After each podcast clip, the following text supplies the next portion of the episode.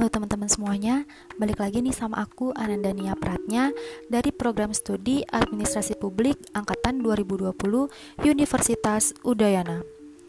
Dalam podcast kali ini, aku akan membahas tentang seberapa pentingnya hubungan antara dukungan sosial dengan tingkat depresi pada seseorang.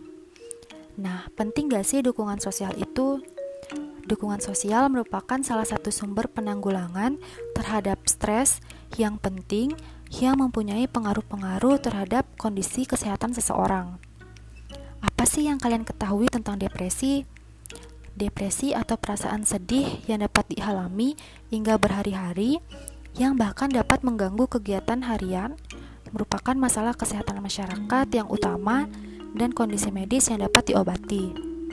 Namun, pasien mungkin juga dihantui oleh rasa bersalah atau tidak berharga, kurangnya harapan, dan pikiran yang berulang tentang kematian atau bunuh diri.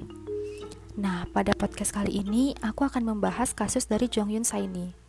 Pada akhir 2017 silam, salah satu member boyband terkenal, yakni Jong Hyun Saini, telah menghembuskan nafas untuk terakhir kalinya. Jong Hyun Saini berjuang melawan depresi dalam pesan bunuh dirinya. Adapun isi pesan tersebut adalah diri saya hancur dari dalam Depresi perlahan menggiring saya dan telah melahap saya. Saya tidak dapat mengatasinya, tulis Jong Hyun. Dan nampak ia sangat menyesali hidupnya. Dalam sorotan publik, ia menulis, "Menjadi terkenal mungkin bukan hidup saya. Mereka mengatakan kepada saya bahwa itu sebabnya saya mengalami kesulitan. Mengapa saya memilih itu? Sangat lucu bahwa saya dapat bertahan selama ini." Tulis Jong Hyun.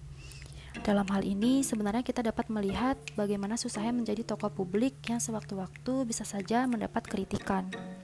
Jadi, menurut saya, bagi kalian pecinta K-pop atau penggemarnya, bisa mengetahui batasan-batasan dalam mengkritik tokoh publik. Selanjutnya, tingkat bunuh diri di Korea Selatan sendiri sangat tinggi.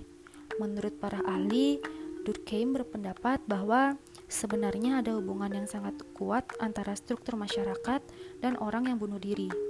Jika angka bunuh diri yang tinggi adalah suatu penyakit, resep Durkheim adalah untuk memperkuat organisasi sosial, terutama yang berbasis di sekitar tempat kerja, karena di situlah orang menghabiskan lebih banyak waktu mereka. Nah, sampai di sini dulu podcastku kali ini.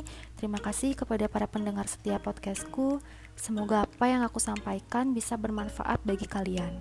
Dan sampai jumpa di podcastku selanjutnya.